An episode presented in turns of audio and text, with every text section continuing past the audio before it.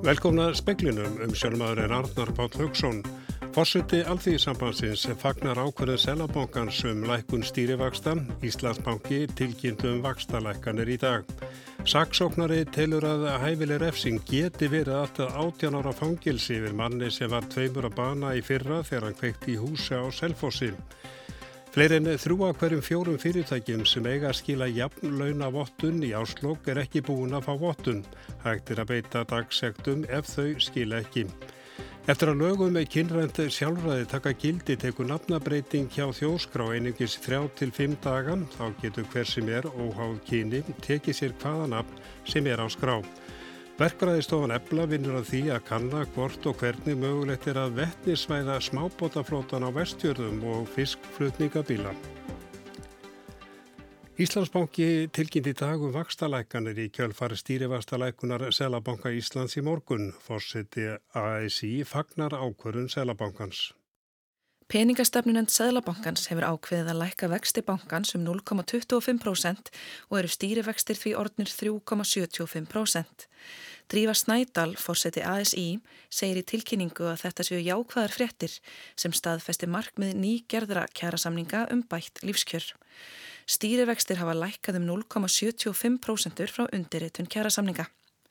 Íslandsbanki tilkynnti fyrir í dag að vakstakjör bankans breytist þann 1. júli í kjölfar tilkynningar Sæðlabankans.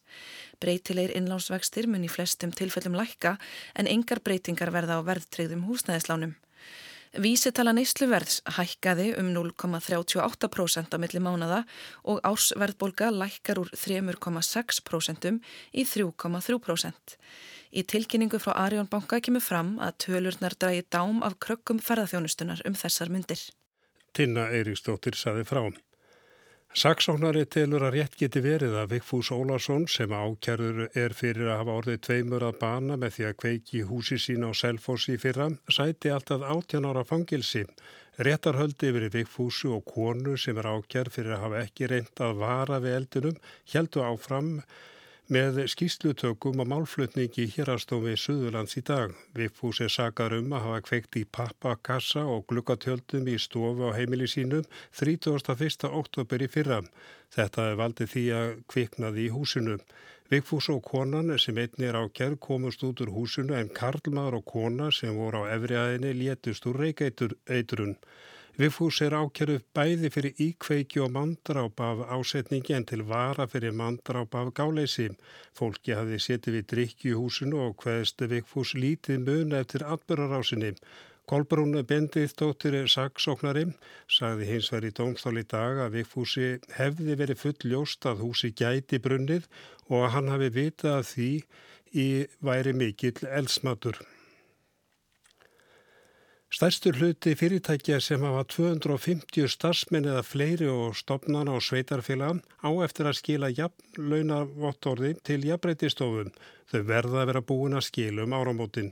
Þetta hefði ég vilja sjá starra hlutfall en ég er hins vegar ágætlega bjart sín á að þetta gangi.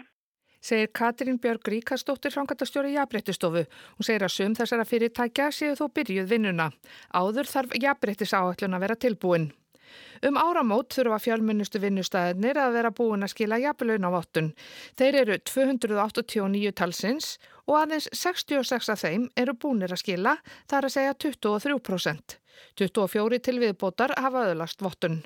Fyrirtæki með 249 starfsmenn eða minna skila svo í áfengum næstu þrjú ár. Strángari reglur eru fyrir ríki og sveitarfélög og þurfa þau að skila fyrr þótt starfsmenn séu færri. En ef fyrirtæki skil ekki á tilsettum tíma er hægt að beita sektum. Þá við auðvitað fara að meta í rauninni hvert tilvik fyrir sig.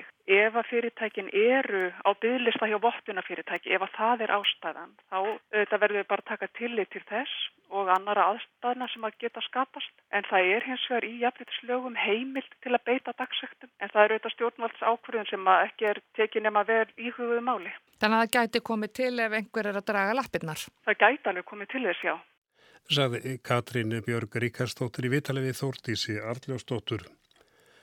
Klukkan hálf tvö í dag barst Björgunafélagi Ísafjörðar neðar kalli vegna velarvana farþegabáts við Maríuhorni Jökulfjörðum um 300 metra frá landi. 13 vorum um borð. Björgunarskipi Gísli Jóns fór í sitt fyrsta útkall og tók farþegabátan í tóg og dróðan til hafnar. Bátarnir voru komnir í Ísafjörðahöfnum klukkan hálf fimm og engan sagaði við þessar rakvarir. Hérastómur Reykjanesi dæmdi í síðustu viku Kartmann á 60 aldri fyrir kynferðisbrot gegn fyrirverandi stjúpdóttur sinni. Maðurum var starfandi á velferðasvið Reykjavíkuborgar þegar brotin voru framinn. Ákjara á hendur manninum var gefin út í februar. Maðurum var í sambúð með móður stúlkunar um sjö ára skeið og lísti stúlkan því í skýslutöku að eftir að sambúð mannsins og móður hennar lauk hafi hann farið að koma skringilega fram við hana. Hann hafi kist hana með óviðandi hætti og strókið henni og klórað á óþægilegum stöðum. Henni hafi almennt liðið illa hjá manninum, sérstaklega þegar þau voru einn saman. Dómurinn taldi að framburðu vittnis og stúlkunar væri í góðu samrami og að fullvisa væri fyrir hendi um að hinn ákjærið hafi gerð segur um þá hátsimi sem honum er gefinn að söku í ákjæru.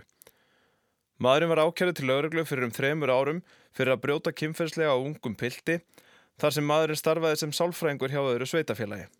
Svankant kærunni áttu þau brot sér stað þó nokkrum árum fyrr en Piltrin var þá skjólstæðingum mannsins. Maðurinn var dæmdu til fangilsinsvistar í 30 mánuði, auk þessir honum gert að greiða stúlkunu 1,8 miljónir króna augum álskostnaðar.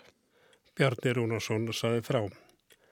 Eftir að lögum kynrænt sjálfræði taka gildi teku nafnabreiting hjá þjóðskrám einungis í þrjá til fimm daga. Þá getur hver sem er óháð kyni tekið sér hvaða nafn sem er á skrám. Nýlögum kynrænt sjálfræði sem samþygt voru á alþingi í síðustu viku félagi sér breytingar á lögum um mannanöfn. Felt verður út ákvæði í mannanöfnalögum sem segir að stúlku skuli gefi kvennmannsnafn og dreng karlmannsnafn. Skráning nafna í nafnaskrá þjóðskrár verður þar með ekki lengur kyngreint. Lögin hafa enn ekki tekið gildi. Margret Högstóttir, fórstjóri þjóðskrár Íslands, segir að þráttur í það sé undibúningur vegna fyrirhugara breytinga hafinn hjá þjóðskrá það fælst aðlega í því að nú verður ekki gerði greina munur á því hvort að nafn sig hvernmannsnafn eða kallmannsnafn.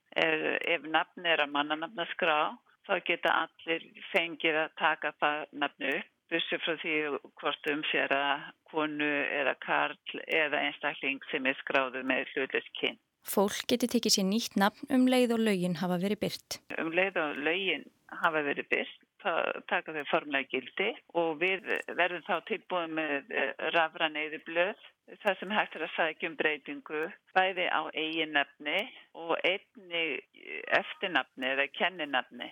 Margret segir að gera megi ráð fyrir auknu álægi vegna breytingana fyrstum sinn því ákveðin hópur hafi beðið eftir þessum breytingum.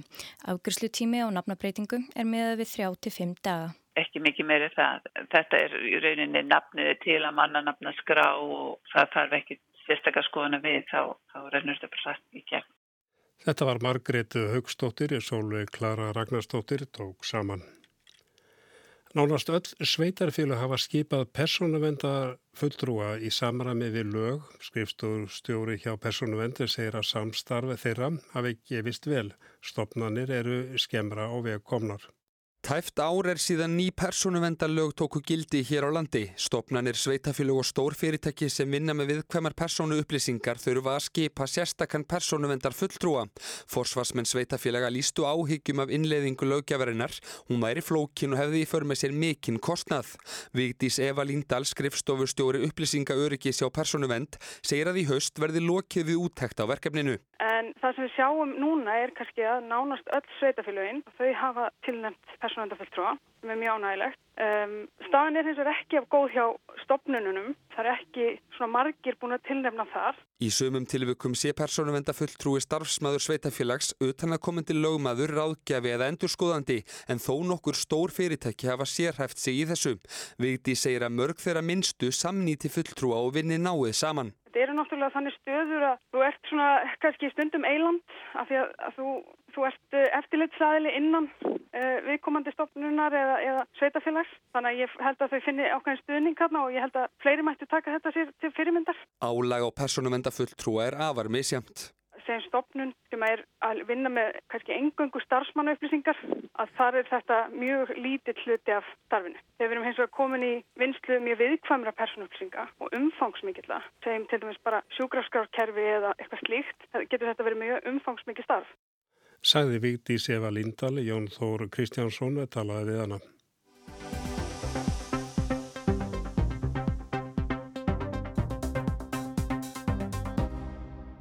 Verkfræðistofan ebla vinnur nú að því að kanna hvort raunhæft er að vettnisvæða smábótaflótan á vestfjörðum og flutningabíla sem flytja fiskinn. Til greina kemur að reysa vettnisframlegslu stöð við mjölkarvirkjun og dreifa vettninu til sjáarplásana. Hugmyndinni var varpa fram í verkefni sem tveir verkfræðinemar unnu fyrir eblu í fyrra þau Guðlugur Bjarki Lúðíksson og Sandra Kallstóttir Andreasen. Það bari yfirskriftina vettnisvæðing hafnarsamfélags þar sem liti var til þéttbílistaðan á norðanverðum vestfjörðum og þó sérstaklega bólungar vikur. Hugmyndin er í hnótskurn að smábótaflottin og flutningabílar sem flytja fiskin veði knúnir áfram með vettni sem erði framlegt á vestfjörðum. Hafstein Helgarsson, sviðstjóri þróunasviðs eblum, segir að hugmyndin sé raunhæf. Hún er svo sannlega raunhæf því að öll tæknin til þess að bæði framlega vettni á bryggjukantinum eða á miðlægum stað eh, við virkjun eins og mjölkárvirkjun er, er, er fyrir hendi. Það er ekkert óljóst með það.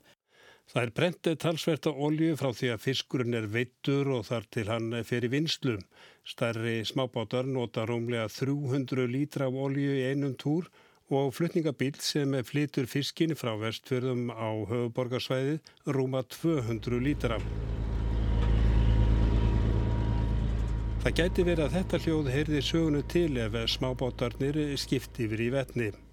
Að í eðli sínu er verða þá bátarnir rafdrifnir og, og flutningabílarnir líka því að vettnið eh, fer í það að framlega raforku eh, um borði í, í þessum flutningatækjum. Til að framlega vettni þarf ramagn, það er annarkort gert á staðnum eða komið er upp vettnis framlegslu stöð í nágræni við mjölkarvirkjun í Arnarfyrðim. Hafstinn segir að með því þyrti ekki að greiða fyrir flutnískostna á ramagni og þar með er því framleiðslu kostnaður lægri. Þannig séð gæti verið hagkvæmt að framleiða vettnið fyrir vestfjörði í mjölká og, og dreifa því þá með flutningabílum á hafnirnar og svæðin. E, hinn möguleikin er að framleiða vettnið á viðkomandi höfn eða viðkomandi samfélagi og, og og þá er náttúrulega komin flutningskostnæðurinn og, og, og, og dreifingarkostnæðurinn og rávarkunni til viðbótar við rávarkuverðið og þá er, er það ekki um neitt stórnótand að ræða, þá er viðkomandi uh, framleiðandi að, að, að nota frekar litla rávorku. Í tilfelli Bólungarvíkur er það í kringum 1,6 uh, megavött að jafnaði allt áriðum kring Eh, til þess að skaffa eh, vettni fyrir eh, fiskískipaflótan í Bólungavík og, og, og flutningaflótan og, og liftara og þess að það. Regnað hefur verið út af 3,5 megavöttu þyrti til að framlega vettni fyrir norðanverða vestverði. Verkefnið vettnisvæðing Hafnarsamfélags var unni með styrk frá nýsköpunarsjóði námsmanna. Ebla vinnur nú að framhalsrannsóknum sem lúta því meðal annars hvort sé hagkvæmara að framlega vettni á staðnum eða koma upp miðlægri framleiðslum. Það hljómar vel en er raunhæft að skiptverðum vélar í bátunum. Hafsteinni segir að vissulega sé hægt að skiptum þær. En þetta gerist eiginlega ekki þannig. Eh, þetta mun gerast allt saman með, eh, í tengslu við nýja bíla og, og, og ný, eh, nýja báta. Þannig verður þessi innlegging alveg eins og í, í, í, í fólksbílaflótunum. Í dag erum við með um, um 40 vettnistreifna bíla á höfubókarsvæðinu og þeim fjölgar ört og við erum með þrjár vettnisafgjörðstöðar sem skelljungur rekur hér á, á höfubókarsvæðinu og eina í fytjum. E, þetta gerist hægt og hægt en það er mjög mikilvægt að, að, að, að vinna nöðsynlega undirbúnings- og, og rannsóknarvinnu til þess að komast að því hvernig elsnitið verður best og með, uh, flutt og framleitt og, og hvernig við getum tryggt það að Ísland verði samkynningsfært í sambandi við verðin og þá uh, spyr maður sig að því náttúrulega ættu vestfyrringar, ættu smábáta eigundur og eigundur flutningabila ekki að vera áhuga samar um það að lækka elsnetiskostnaðin frá því sem nú er um helming eða jável meira. Það hlýtur að vera uh, áhugavert. Hann segir að næ orka sé fyrir hendi á vestfjörðum og nú sé að bætast við vindorkugarðar í dölunum og víðar. Það sem er kannski veikast og það er dreifi kerfið raforkunar innan, innan vestfjörða. Þar gæti verið uh, veikur hlekkur og en það er mál sem þarf að, að, að kanna betur og það er eitt af því sem við erum að fara að undirbúa okkur í að skoða með orkubúinu. Ef reistirði vettnir sem framlöstu stöð við mjölkarvirkjun eru ymsa leiði til að flytja vettni villi staðan, til dæmis blanda því saman við óljum. Á áfangastað er vettni svo skili frá hennu og hún notuð aftur til að flytja næsta farm. Einni eru hugmyndur um að bátarnir eru tvinnbátar, hlaðnir í höfn, stýmta á hreinu rafmagni og svo tæki vettni við. Það er líka verið að tala um að nýta súrefnið sem er hlýðar afurðu vettnisframleyslunar til að koma upp fiskeldi á landi. Fiskeldi sem dæmi á landi þarf súrefni, segðaeldi þarf súrefni og uh, ef við myndum framleiða Eh, vettni á vestfjörðum þá myndi líka verða framlegt súrefni á, á þeim stað og, og það súrefni er að háa um gæðum. Uh, með uppbyggingu á vestfjörðum í tengslum við fiskeldi og þá verður þörf fyrir súrefni á vestfjörðum. Þannig að það má segja það að, að súrefnið getur verið þakklátt auka afurð uh, fyrir, fyrir annan yðnað sem er þó þessi, þetta fiskeldi. En er samfélagi fyrir vestan tilbúið að takast á við orkuskipta af þessu tægi og er nöysilegt að fara út í þetta. Ebla ætlar að halda verkefninu gangandi þó svo að það ekki fengi styrk frá ranni sem sótt var um. En við teljum bara samt það mikilvægt að þetta verði, verði kannad og, og við teljum það hjá, hjá Eblu samfélagslega skildu okkar að, að sinna nöðsynlegu undirbúnisverkum eh, varðandi þessi orkuskipti og og þetta er bara liður í því vettnið er framtíðar elsnitið fyrir, fyrir stærri flutningatæki og bátana þar með og það verður að hefja skoðun á þessu og við höfum verið að ræða það við orkubúið að vera með okkur í þessari vegferð vegna þess að, að þetta er bara gott fyrir vestfyrði til framtíða litið. Þetta var eh, Hafstein Helgarsson. Ef þessi mynd reyfir ekki við þeim sem taka ákvarðaninnar þá er samfélag okkar ítla statt. Þetta segir Julia Leduc, bladamadur á La Jornada sem gefið er út í meksikósku landamæraborginni Matamoros. Skamt frá borginni rennu stórfljótið Rio Grande og handan þess eru bandaríkinn. Á mánudags morgun tók Leduc átakanlega mynd sem stór hluti þeirra sem fylgjast með heimspressunni hefur líklega séð. Við sefgróin bakka árinar fljóta lík feðginana Oscars Alberto Martínez Ramírez og Valerio frá El Salvador innanum bjórdósir. Martínez var 26 ára, Valeria tvekja. Martínez hafði sett dóttur sína inn á stutturmabólinn sinn til að ströymurinn tækjan ekki og smá höndennar liggur utanum hálsans. Myndin gefur insýn í örvendingarfullan veruleika fólks á flótta og meksikóskir fjölmiðlar hafa líkt henni við aðra mynd sem haustið 2015 var dreift um netteima. Myndina af líki Alans Kurdi, 30 ára gamals sírlensks drengs sem druknaði á miðjararhafi. Pero este caso en particular eh, eh, me, me pone, eh, nos, nos, puso sensibles por las circunstancias, por el padre abrazado de su hija, eh, en ese último aliento los dos ahogados, ¿no? Cómo se fueron juntos a la muerte. Julia Leduc hefur sagt fréttir af lauruglumálum árum saman og oft komið á vettvang slís eða gleipa. Hún hefur síðan mörg lík. Segir það ekki lengur hafa mikil áhrif á sig en það að sjá feðginin í ánni hafi hrift við henni. Það hvernig þau virtust var reynd að halda hvort í annað til enda. Le Duc greindi frá atbyrðarásinni við landamærin í viðtali við Guardian. Hún fekk veður af því á sunnundaskvöld að við Árbakkan, Mexikomaín, væri harmislegin kona sem segði ströymin hafa hrifsta dóttur sinna með sér. Þetta var Tanja Vanessa Avalos, kona Martínez og móðir litlu stúlkunar. Fjölskyldan hafði dvalið í söðurluta Mexiko í tvo mánuði, sóttum vegabrjöfs áritun af mannúðar ástæðum sem gerðum kleift að dvelja og vinni Mexiko í eitt ár. En draumurinn var að komast til bandaríkjana Þau vildu sækja þar um hæli.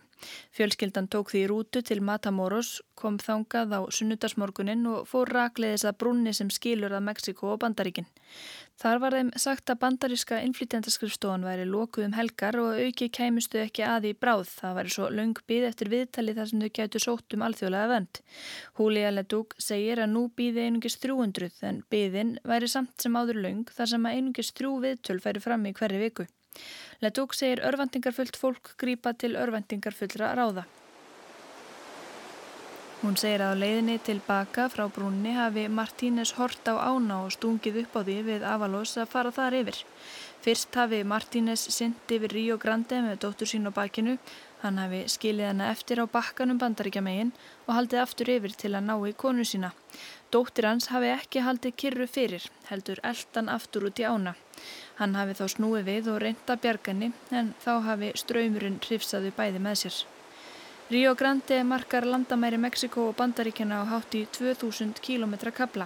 Ledúk segir að þetta gruggu að fljót láti kannski lítið yfir sér en viða séu sterkir, strengir og svelgir. Leitað var að þæginunum langt fram á sunnundagskvöld en þau fundust ekki fyrir morgunin eftir. Saminuðu þjóðunar telja að á árunu hafi 170 látist við að reyna að komast yfir landamærin. Sumir drukna í áni, aðrir örmagnast í eðimörkinni. Myndin af líkum Martínez og Valeriu eru því tákgræn fyrir örlög fleiri. Í útækt Breska ríkisútasins BBC kemur fram að síðastliðin 20 ár hafi fækkað jæmt og þétt í hópi þeirra sem hafi verið handteknir við að komast ólöglega frá Mexiko til Bandaríkjana. Nú verðist þó vera fjölga aftur í hópnum og þá hefur fjölgað í hópi þeirra sem að reyna að sækja löglegum hæli í Bandaríkunum. Flestir koma nú frá Guatemala, Honduras og El Salvador og eru að flýja sára fátækt og gengja ábeldi. Donald Trump bandaríkjaforsiti hefur í tíðsinni ennbætti lagt mikla áherslu á að stöðva það sem hann kallar innrás fólks frá ríkjum mið og söður Ameríku. Veggurinn sem nú rís við landamæri Mexiko var eitt af stóru kostningalofurðunum og Trump best á hæl og nakka við að fá hann fjármagnaðan. Í fyrra bóðaðan harða stefnu, ekkert umburðalindi, svo stefna var meðalans til þess að börn voru skilin frá fóröldrum sínum. Þó hann hafi dreyið í land með þá stefnu er enn fjöldi barna vistaður í sérstökum búðum. Eftirlitsmenn sem könnuðu nýlega aðstæður í einum þeirra segja ástandi þar hörmulegt. Þá má nefna aðgerðir sem hægja og afgreyslu hælisumsóknar við landamærin. Aðeins lítill hópur fer að sækjum daglega og talið er að þetta leiði til fleiri döðsfalla því sumir get ekki hugsa sér að býða og reyni hættulegri leiðir til að komast yfir landamærin. Myndin af feðginunum hefur vakið mikil viðbröð bæði bandaríkunum og Mexiko á hún eftir að hafa áhrif. Því er erfitt að svara en árið 2016 reyndi Múkul Devitjand, pislahöfundur á BBC, að svara því hvort myndin af Alan Kurdi, dreng sem druknaði á miðjararhafi og miljónir sáu á samfélagsmiðlum, hefði einhverju breytt. Devitjand telur myndin að hafa ítt undir vinsældir millumerkisins flótamenn velkomnir eða refugees velkom. Orðanótkun á samfélagsmiðlum hafi líka breyst í kjölfar myndbyrtingarinnar. Fleiri hafi farið að tala um flótafólk sem fylgur í sér viðurkenningu á fólki þegar rétt og vend og færri um förufólk. Þá hafi fjölgað í hópi sjálfbóðlega sem reyndu að koma fólki á flóta til aðstóðar til dæmis þegar það koma landi á grískum eigum. Myndin virist ekki hafa dreyið úr þeim sem hugðu á flótta. Það fjölgaði áfram í hópi þeirra sem reynda að flýja sjóliðina til Evrópu og sömulegis fjölgaði döðsföllunum. En hvað um pólitíkina?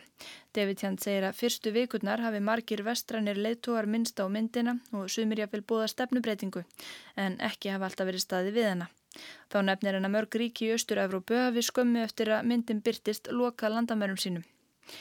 Hann vitnar í Frængu Kurtis, tímu Kurtis sem byr í Kanada. Skömmu eftir að myndin byrtist sagði hún að það væri eins og Guð hefði sett ljósitt í hana til að vekja heiminn. Ári síðar hafði hún minni trú á því að myndina frændennar erði til þess að bylta umræðinni. Allt hefði færst aftur í sama horf og staðan í Sýrlandi versnaði. Í samtali við Guardian segist hún þó telja að í Kanada hafi myndin opnað augu stjórnvalda en Justin Trudeau hétt því í oktober 2015 þá nýjörðum fórsættisræðara að taka við 25.000 flótamennum frá Sýrlandi. Arnildur Haldunadóttir saði frá. Og höldum á áfram að fjallum eftirlistofnanir er alþengi eftir að fela ríkisendur skoðan að kanna aðkomu yfirvalda að starfsemi VÁ er en alþengi hefur einnig samþitt lög sem draga enn frekar aðteglin að eftirlits yfirvöldum ný lögum saminningu Sæðlabanka og fjármála eftirlitsins. Undanfarin fimm ár hefur Alþjóðagjaldarisjóðurinn hamrað á að fjármáleftilitið íslenska væri of veikt og varnarlaust fyrir pólitískum afskiptum. Svona ábending væri allstaðar óþægileg en hún er sérlega áhyggjusamleg í landi sem fyrir rúmum áratug gekk í gegnum ótrúlegar fjármálarhemmingar. Skíslaransóknar nefndar alþingis um bankarhunnið rakti ítarlega hvernig velþóknun íslenska stjórnmálamanna á óðavexti bankana gerði fjármála eftirlitið að olbúabarni. Í viðbótið pólitískar skoðanir voru ýmsir stjórnmálamenn nátengtir bunkunum og stærstu eigandum þeirra. Ofinbert eftirlit í litlum löndum felur í sér sérstök vandamál, þó það sé sannlega ekki þar með sagt að eftirlit í stórum löndum gangi eins og í sögu. AGS hefur íðulega bent á að leysamætti eftirlitsvandan með því að gera FME óháðara fjármálaráðunitinu eða sameina FME og Salabankan. Eftir vangaveltur um árabil hefur síðari leiðin verið valinn, nú á sameina Salabankan og FME.